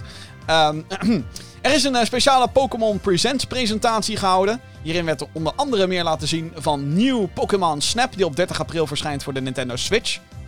Maar er was meer. Pokémon Diamond en Pearl die krijgen de welbekende remake-behandeling op de Nintendo Switch. Die games verschenen van origine in 2006 op de Nintendo DS, maar komen eind dit jaar dus naar het huidige Nintendo-platform. Ze krijgen de namen Brilliant Diamond en Shining Pearl. De graphics doen denken aan de originele game, maar dan met volledige 3D-textures en character models. Eind dit jaar verschijnen de remakes. En als laatste werd Pokémon Legends Arceus onthuld. Een third-person open-world game die Pokémon lijkt te mengen met The Legend of Zelda Breath of the Wild. En die game speelt zich lang voor Diamond en Pearl af. Om Pokémon te vangen kan je nu in real-time Pokéballen naar ze gooien en ze besluipen. Uiteraard kan je ook je Pokémon inzetten om sterkere wezens te verzwakken en eh, met andere trainers te battelen. Pokémon Legends Arceus moet begin 2022 verschijnen, wederom voor Nintendo Switch. Ja, ehm, vaste luisteraars van de podcast die weten dat ik inmiddels een beetje over Pokémon heen ben. Soort van, dat hele po- Pokémon Sword and Shield sprak me niet aan. Let's go. eh, eh, Pikachu, Let's Go Eevee, denk ik ook. Nah, niet mijn ding. Ehm, maar ik moet zeggen dat, dat eh, die, die, die Diamond and Pearl remakes, dat ik denk, oh, ziet er wel geinig uit. Eigenlijk. Ziet er wel leuk uit. Gewoon klassiek Pokémon met een vernieuwd stijltje. Had het allemaal mooier gekund? Had het allemaal vernieuwder gekund? Qua gameplay helemaal? Het had, natuurlijk. Had allemaal gekund. Hm. Maar misschien heb ik me inmiddels gewoon bij het feit neergelegd dat... ehm, dat ja, als het gaat om Pokémon, dat vernieuwing heel ver weg is. Alhoewel, dat dus met die Legends game wel echt schijnt te werken. Want het is echt heel, heel gek. Maar het heeft heel lang geduurd. Voordat we echt, zeg maar, het idee hadden van... Oh, we hebben echt een open world Pokémon game. Ik vergeleek het een beetje met Breath of the Wild. Maar ook een beetje Horizon elementen kreeg ik. eh, zo'n zo'n vibe kreeg ik. Van dat je zo'n Pokémon moet gaan besluipen. En dat je waarschijnlijk ook gewoon voer naar ze toe kan flikkeren. Dat wel gewoon, ja, dan denk ik, hé, waarom, waarom is het niet eerder gedaan, jongens? Dit is like, een beetje, dit is vernieuwing. Dit had Sword and Shield moeten zijn. Maar nu wordt het Legends Arceus of zo, I guess. Nou ja, goed. Ehm, ik weet dat heel veel Pokémon-fans ontzettend blij waren met, eh, met eh, al dit nieuws. En als zelfs ik zoiets heb van, nou, hebben wel zin in een Pokémon-game.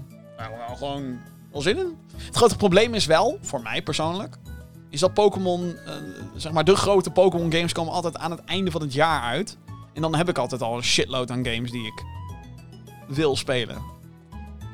En dan is het vanuit mijn persoonlijke perspectief niet heel gek dat ik Pokémon dan op een lager pitje zet. Maar ja. Ehm, het zag er wel tof uit. Ik moet zeggen, ik ben, ik ben al heel lang niet zo... Ik denk, oh, ik ben lang niet meer zo positief geweest over Pokémon. Normaal ben ik de eerste die het afbrandt.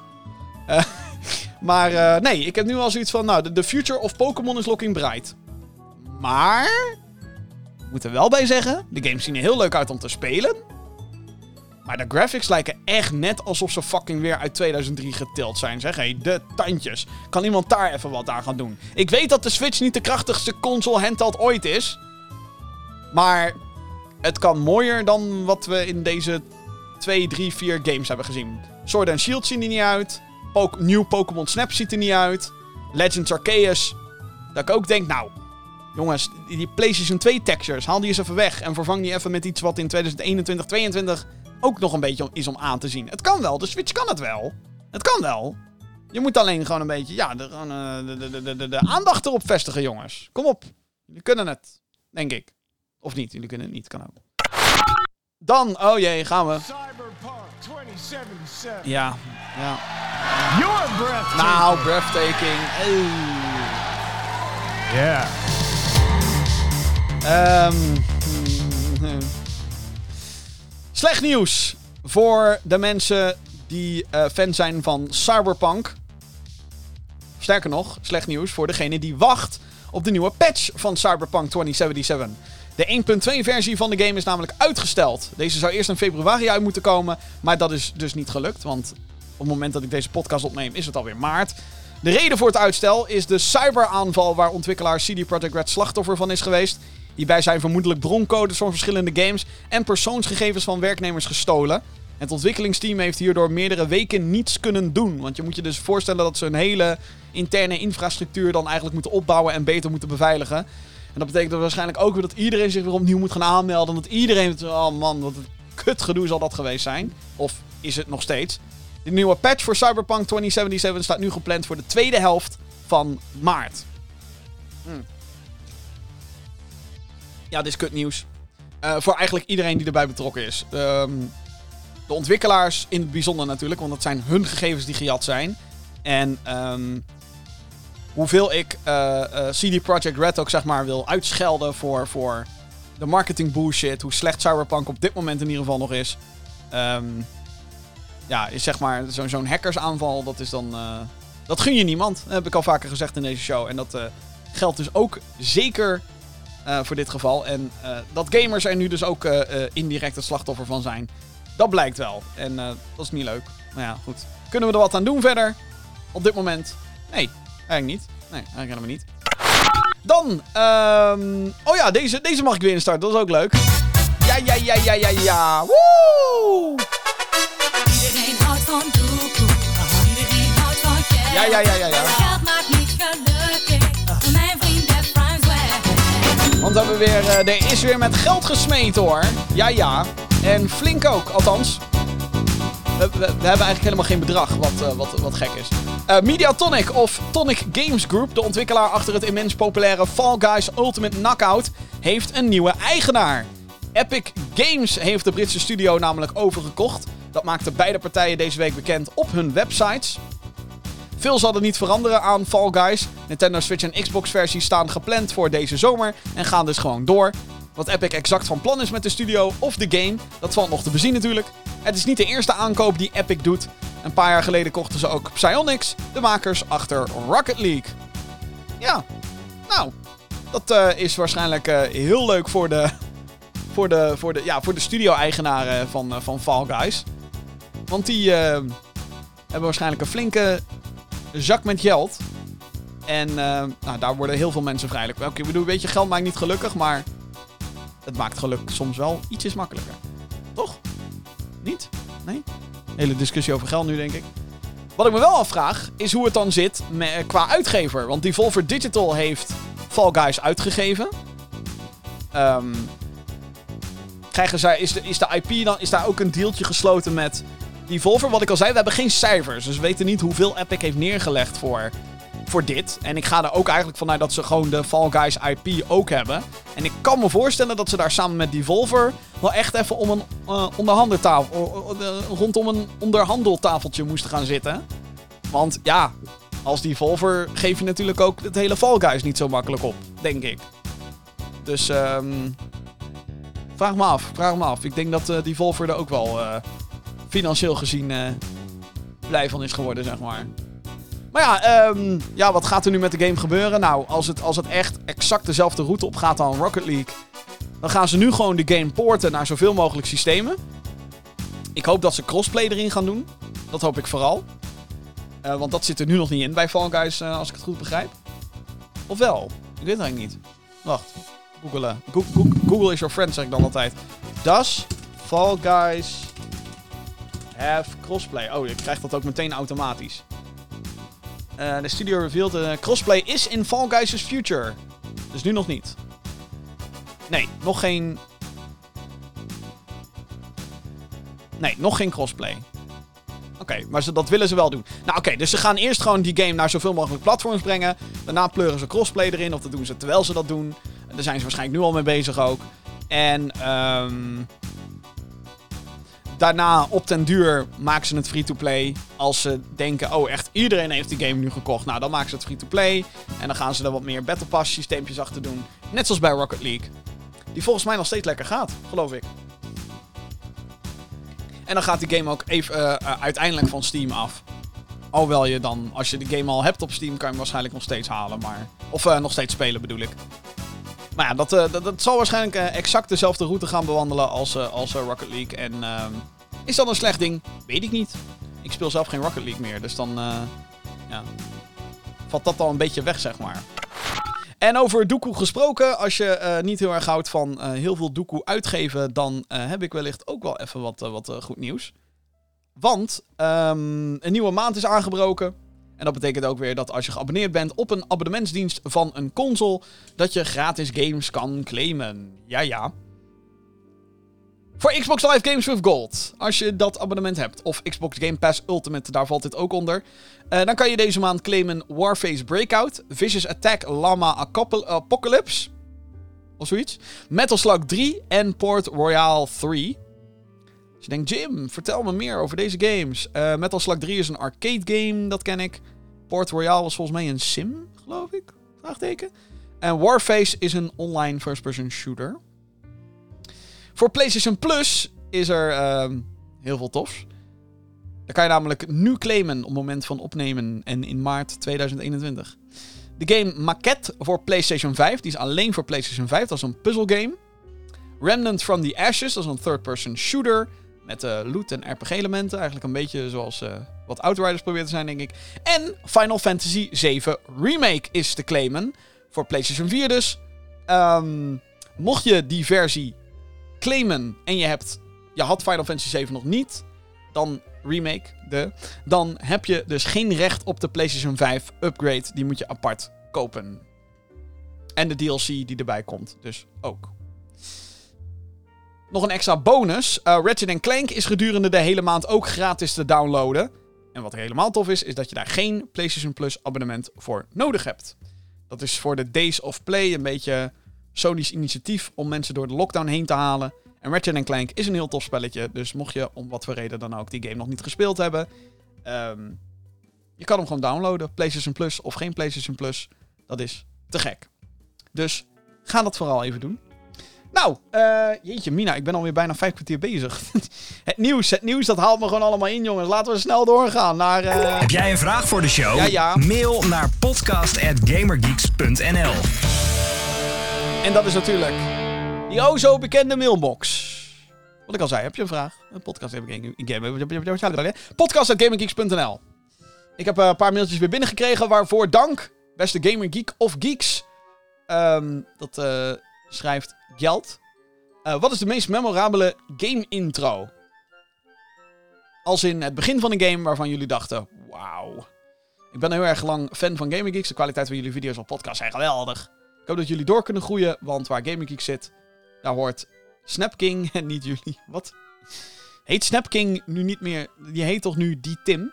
Ik zag hem toevallig bij eh, Boos voorbij komen. Hashtag Boos. Een tijdje geleden ook alweer hoor. Maar goed, whatever.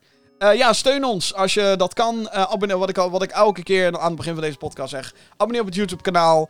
Eh, abonneer op de podcast als je dat nog niet doet. Volg het Twitch-kanaal. Volg ons op Twitter. Allemaal van dat soort dingen. Dat zijn de beste manieren om ons te steunen. En als je dan onze video's kijkt op YouTube, laat een like achter. Weet je wel, schrijf er iets leuks onder. Of iets. Nou, alleen iets leuks. Gewoon doe mee. Dat soort dingen. Gewoon dat. Ehm, dan terug naar jouw vraag. Eh, meest memorabele game intro. Vind ik een lastige, want er zijn zoveel games met een tof intro natuurlijk. Ehm, ik ga er dan wel even uit dat het soort van speelbaar is. Eh, je hebt natuurlijk... Vroeg, vroeger was het echt gewoon een toffe cutscene. En dan begon de game, weet je wel. Dan dacht je, oeh, ziet er niet zo goed uit als de cutscene. Eh, dat was vroeger uit de PlayStation 1 tijdperk, dames en heren. Ehm, ik vind eh, het, het begin van Bioshock, de eerste, Bioshock, nog steeds echt te gek. Eh, je stort neer in een vliegtuig. Daarna kom je bij een gekke vuurtoren terecht. Dan ga je nog van een gek apparaat in en dan kom je in een onderwaterstad terecht. Op het moment dat dat gebeurt gaan de deuren open van zo'n tunnel. En dan zie je daar een hele onderwaterstad ineens. Rapture. En dan is het van... ah, de muziek zwelt dan ook op en zo. Dat is prachtig. Wat een goed, nog steeds kippenvel als ik het weer... eh, als ik die game weer opstart. Dus dat is een hele goeie. Ehm, ik vond het begin van Far Cry 5 vond ik ook heel heftig. Als in heel goed heftig. En dan ga je naar die basis toe waar eh The Father is en zijn vijandige factie. Of jouw vijandige factie, moet ik zeggen.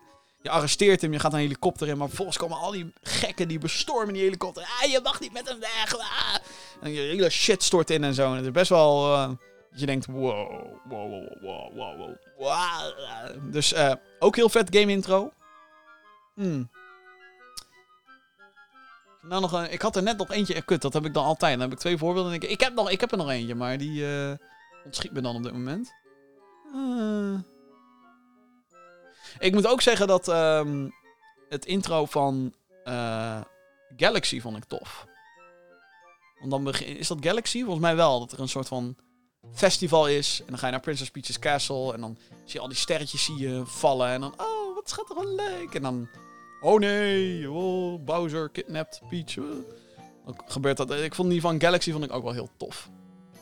Als je het hebt over memorabel als in legendarisch. Eh, het Ocarina of Time. Dat je in first person, dat die vee alle huisjes afgaat. En dan ook tegen random mensen zegt, hey, hello, look. Dat je dan dat huis invliegt en dan daar is je held. Link ligt daar dan. Ook een memorabel intro. Ehm ja, wat nog meer? Eh, ook, oh ja, ik kom nu met steeds meer voorbeelden. Eh, het begin van Batman Arkham Asylum is ook te gek. Dat je. eh, Batman heeft dan de Joker al opgepakt, zeg maar. Die rijdt naar Arkham Asylum en zegt meteen: Something doesn't feel right. En je loopt dan mee met hoe Joker zeg maar, geëscorteerd wordt naar zijn cel. En dan gaat het hele, alles gaat naar de tering, weet je wel. Dat is oh, ook zo'n heel goed, een heel goed intro. Ook echt te gek. Hmm. Oh, oh eh, eh, hoe kan ik die vergeten? Het begin van The Last of Us. Holy shit. Holy fo. Wow, dat is ook echt oh oh ja, heftig. Ik ga niet zeggen wat het is, want spoilers, maar de tandjes, dat, dat ja. Het is heftig. Zeg maar. Ja, ik denk, denk dat ik wel genoeg genoemd heb, hè? Nu? Ja, denk, denk wel. Ehm, dan nog een ander mailtje. Als ik hem kan vinden. Ja, daar is hij. Van Stan. Eh, oh, trouwens, PS, Jeppie is nog steeds gewoon stagiair. Dat zei ik Jalt nog in zijn mailtje. Dank je. Eh, Stan, die had het tweede mailtje. Ha, mannen, het ziet er helaas nog niet uit dat ik snel een PS5 kan bemachtigen. Op het moment van schrijven worden er volgens mij weer een aantal verloot en zo. Maar goed, mm, dat even daar gelaten. Dus op zich niet zo erg, want ik heb nog geen 4K-tv. Wat voor tv hebben jullie? En kunnen jullie vertellen waar ik op moet letten? Er zijn zoveel verschillende soorten. Je ziet door de boom het bos niet meer. Kunnen jullie mij helpen? Nee. oh, wat erg. Ehm, ik, ik, eh, het ding met een televisie. Kijk, ik ben zelf. ehm, ik heb een dikke PC. Weet je, ik heb een PS5 en zo. Ik wist wel dat ik een 4K-TV wilde. Inderdaad, voor, voor deze aankomende generatie. Dus ik heb zelf ook een tv gekocht. Eh, inmiddels een half jaar geleden, denk ik. Meer dan een half jaar geleden. En je moet eigenlijk gewoon heel erg kijken naar waar je naar op zoek bent. Eh, en hoe hoog je budget is. Want het is eigenlijk net zoals met computers. Hè, je kan een hele dikke gaming... Ik, ik kan zelfs nu... Ik heb een hele dikke gaming PC nu, hè. Echt een hele dikke... Maar zelfs nu zou ik er nog duizenden euro's in kunnen pompen. Nog, het kan. En dat is hetzelfde met televisies. Je kan, je kan, je kan een hele simpele 4K-televisie kan je halen. Of je kan voor ultra OLED technologie met Ambilight en bla bla bla bla. dus 120 hertz, 14.000 euro. Kan allemaal. Maar of je dat wil is een tweede. Ik heb bijvoorbeeld een 4K-tv en ik heb geen 120 hertz. Je zou denken, Jim, wat een miskoop. Want de huidige, de- deze generatie consoles kunnen zogenaamd. ehm, Oké, ik moet niet zeggen zogenaamd, want er zijn wel degelijk een paar games die dat kunnen. Maar die kunnen tot 120 frames per seconde. Maar daar moet je wel zo'n scherm voor hebben, die dat allemaal aan kan. Ehm, nou is dat... Ik, ik denk niet dat heel veel games dat uiteindelijk gaan redden. Zeker niet de nieuwe games, die zeg maar best wel die grafische kracht moeten pushen natuurlijk. Ehm, er zal een uitzondering her en der zijn, maar ik denk dat dat 120 frames per seconde vooral ehm, een ding is voor games die geupgrade worden of gepoord worden. Ik denk niet dat dat een ding gaat zijn voor de nieuwe games. Eh, dus ook op basis daarvan dacht ik, goh, wil ik zeg maar 1000 euro extra neerleggen voor 120 hertz? Of neem ik genoegen met 60 hertz, whatever de andere standaard is. Er zijn, er zijn, het is niet eh, gelijk aan je framerate per se natuurlijk. Ehm, dus, ehm, ja, die. Zeg maar. dat, dat, daar moet je een beetje op letten, eh, of je dat wil. Je moet natuurlijk kijken naar de daadwerkelijke resolutie, want er zijn inmiddels ook al televisies die voor 8K gaan. Oké, 8K, ja ja. Eh, ben ik ook nog niet voor gegaan. Gewoon een 4K-scherm. Wat, wat voor merk heb ik eigenlijk? Volgens mij, heb ik een LG trouwens. Ik heb een LG. Ehm, en ja, je moet gewoon een beetje kijken naar, naar qua kleurendiepte wat het allemaal heeft. En, en, en of dat een beetje goed is. Je merkt het al, ik ben geen expert in televisie. Alles behalve een expert in televisies. Ehm, ik weet gewoon dat ik voor de prijs die ik voor mijn televisie heb betaald. Dat ik een prima. Ik wilde ook geen super grote. Want dat past niet in, in het kamertje waar ik nu zit. Dus ook daar moet je natuurlijk op letten. Hoeveel ruimte heb je? Hoe groot moet het ding zijn? Hè, dat. Ook allemaal. Ook allemaal op letten. Ehm, dus ik ben meer dan tevreden. Ik heb 600 euro betaald voor de televisie. Met een geluidssysteem erbij. Dat is wel een belangrijke. Bijna alle huidige televisies hebben fucking shit geluid. Maar echt shit gewoon. En het is logisch, want het zijn allemaal van die hele platte dingen. Super plat allemaal. Dus daar kan gewoon geen goed geluid uitkomen. Gewoon technisch, fysiek is dat niet mogelijk. Bijna niet. Dus zorg er altijd wel voor dat als je een, een gloednieuwe televisie haalt. Dat je ook rekening houdt met dat je op zijn minst een soundbar erbij haalt. Of een, of een set speakers of whatever. Ehm, want zonder dat wordt het qua geluid in ieder geval echt, echt een miserabel ding. Ehm, dus ja, dat is eigenlijk het enige advies wat ik kan geven. wat betreft die televisies. Eh, kijk gewoon goed naar wat je wilt. Ehm, vraag om advies bij mensen die er wel verstand van hebben. En zorg er ook voor, dat is ook een belangrijke, dat je niet blind ervan uitgaat wat er op bepaalde websites wordt neergezet. Ga altijd na of gebruikers, bijvoorbeeld gebruikersreviews kunnen daarbij heel, heel behulpzaam zijn. Of zij een beetje overkomen met wat het product belooft. Ehm, ik zag bijvoorbeeld laatst, ik was, ehm nou de webcam waar ik nu deze videoversie mee opneem, hallo. Ehm, ik was daar na, een beetje naar, naar, eh, aan het zoeken. En toen zag ik bij, volgens mij was het Coolblue, die zei... Deze webcam, en, en dat was een minpunt dit. Deze webcam heeft geen 4K. En 4K is vier keer scherper dan HD. Dat is bullshit. Want 4K is in feite ietsjes meer dan 2000p. Dus dat zou twee keer zo scherp zijn. Niet vier keer. Dus daar moet je heel erg op letten. Dat je niet in dat soort marketing bullshit gaat trappen. Maar dat je gewoon kijkt, goh, heb ik hier wat aan? Heb ik hier het geld voor over? Wat zoek ik in mijn scherm? That's it. Dat was het beste advies ooit voor een televisieaanschaf. Not. Maar dat is wel hoe ver kan komen. Ik ben in ieder geval heel erg blij met mijn eh, schermpje. PS5 games zien er prima op uit. Ehm, het, het was een hele grote upgrade ten opzichte van de tv die ik had. Het was gewoon een heel simpel 1080p schermpje. Eigenlijk. Eh, en zeker ook omdat dit nu eh, een smart tv is. Dus ik kan gewoon eh, Disney Plus en, en, en, en Netflix gewoon kijken direct vanaf mijn tv.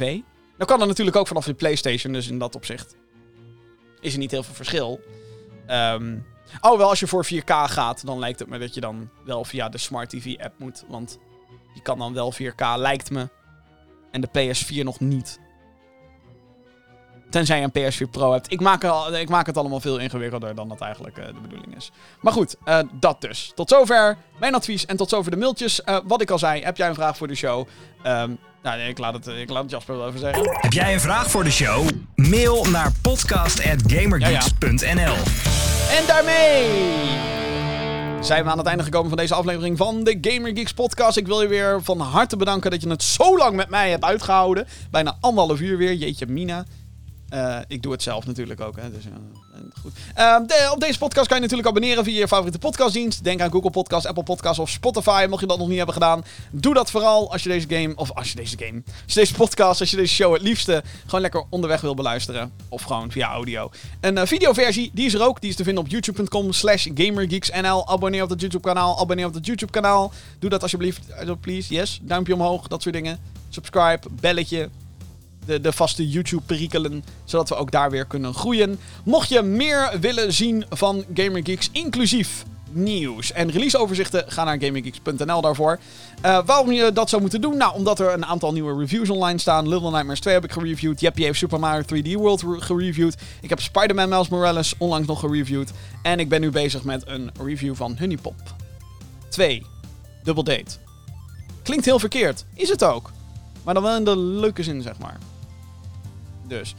Ehm, Ja, wat ik al zei, eh, super bedankt. Super tof dat je er weer bij was voor deze 164e aflevering van de Gaming Geeks podcast. En heel graag tot een volgende keer.